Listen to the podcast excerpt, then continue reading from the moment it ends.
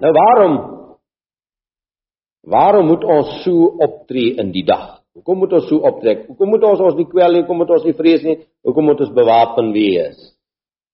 Want Yeshua sê want julle sal versorg word. Vers 30. Want al hierdie dinge soek die nasies van die wêreld. En julle Vader weet dat julle hierdie dinge nodig het. Geliefdes, weet u dis daarom aangrypend wat daar staan. Hy sê julle moet julle nie kwel nie.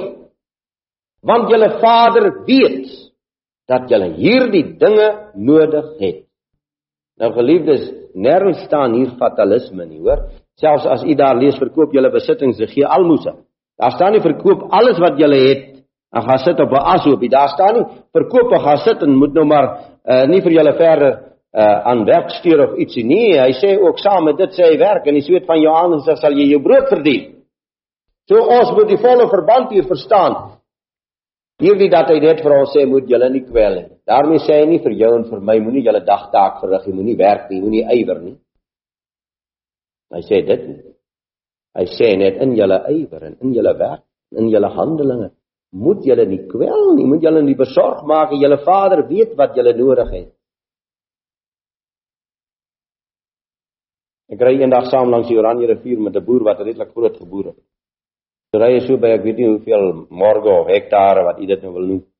En die sering verby wat vrot gereën het. Dis sê hy my dis nou so ry, dis sê jy weet hoe nie daar lê nou soveel rand En daar is dit weg. Ek kon dit maar vir die Vader gegee. Dit is al ooit so gedink dan. Kon dit maar vir die Vader. Want as jy dit wil vat, vat jy dit. As jy dit vir jou en my wil gee, gee dit vir jou. Waarmee sal u en ek vanaand ons gesondheid betaal? Waarmee sal ons vanaand ons gelukkige huisgesinsgelewe betaal. Wat sal ons vanaand gee vir sy grootheid en genade, vir sy goedheid en barmhartigheid? Hy sê vir ons moet julle nie kwel nie, want die skatkamers is vol. Hy kan vanaand Hy kan vanaand gee in 'n oorvloed wat ek en jy nie kan hanteer. Of hy kan vanaand nie.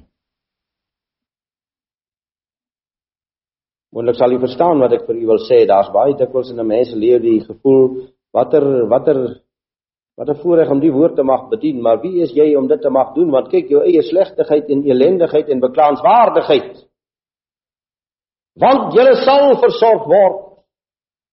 Want jou Vader weet wat jy nodig het. Die jong span op die kamp het so geniet as ek so ou staaltjies uit my eie lewe vertel. Die staaltjies het 'n mens se bedieningslewe uit en het jou persoonlike lewe uit. Ek weet jy daar's baie dae waar ek terugdink, ag kan ek tog nie maar weer so 'n arm studentjie wees. Wat niks het. Maar wat elke dag wat ek ontvang het uit die Vader se hand op magtige en wonderlike wyse ontvang. Mag nie 'n stukkie uit daar die volle geloofsvertroue in Jahwe se voorsien. Terwyl van die wat nou al gaan studeer en nou as ek nie geld het of geld gehad het. Nou gaan ek stel aan Bosbou my tweede jaar met 15 pond. Dit was die laaste jaar wat ek 'n pond gedra het. Met 15 pond in my sak vir die jaar. Nou kom ek op stel aan Bosbou met 7 pond betaal vir inskrywing in die universiteit. Nou het ek 8 pond oor vir die jaar. Ek vertel julle 'n storie. en Jawe het was deur voorsien. Ek kom op by die tannie by wie ek loseer, dan sê ek vir haar ag sy moet vir my asseblief uitstel gee. Ek kan nog nie hierdie kwartaal betaal nie. Ek het nog nie geld nie, maar dit sal kom. Sy moenie bekommerd wees nie, dit sal kom. Sy moet my net kans. En dit het altyd gekom. My vrou sit hier as 'n getuie vanaand van hoe dit soms gekom het want julle sal versorg word. En die pragtige in vers 32. Hoekom moet ons so optree vir die tyd? Geliefdes, ons moet sekere dinge baie helder en baie skerp in ons harte hê. Hier staan want julle Vader het 'n welbehaag daarin gehad om aan julle die koninkryk te gee. As hy 'n welbehaag daarin gehad het om aan ons die koninkryk te gee lankal, want dit is sy erfgename van onuitputlike rykdomme, dan staan daar voorop. Hy het 'n welbehaag. Hy het 'n welbehaag in julle. Dit wil sê in my lewe is hy behaag.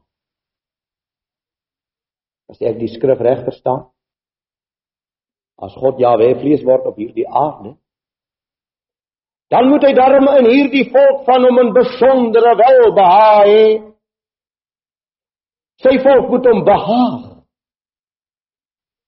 dat hy homself vir ons offer op so 'n wyse. En dis die heerlikheid wat ons vanaand in die geloof kan vasgryp vanuit die liefde van my Vader wat hy vir my het, vloei hierdie magtigheid dat hy wel behaag in my het. Ek hoef mos nou nie vir u al die pragtige teksverse in die Bybel daaroor te gaan lees waar hierdie magtige lieflike woord so dikwels voorkom. Hy het behaag in sy kind. Dit is vir my heerlik vanaand om as geredde sondaar dit te mag weet. God het behaag in my lewe.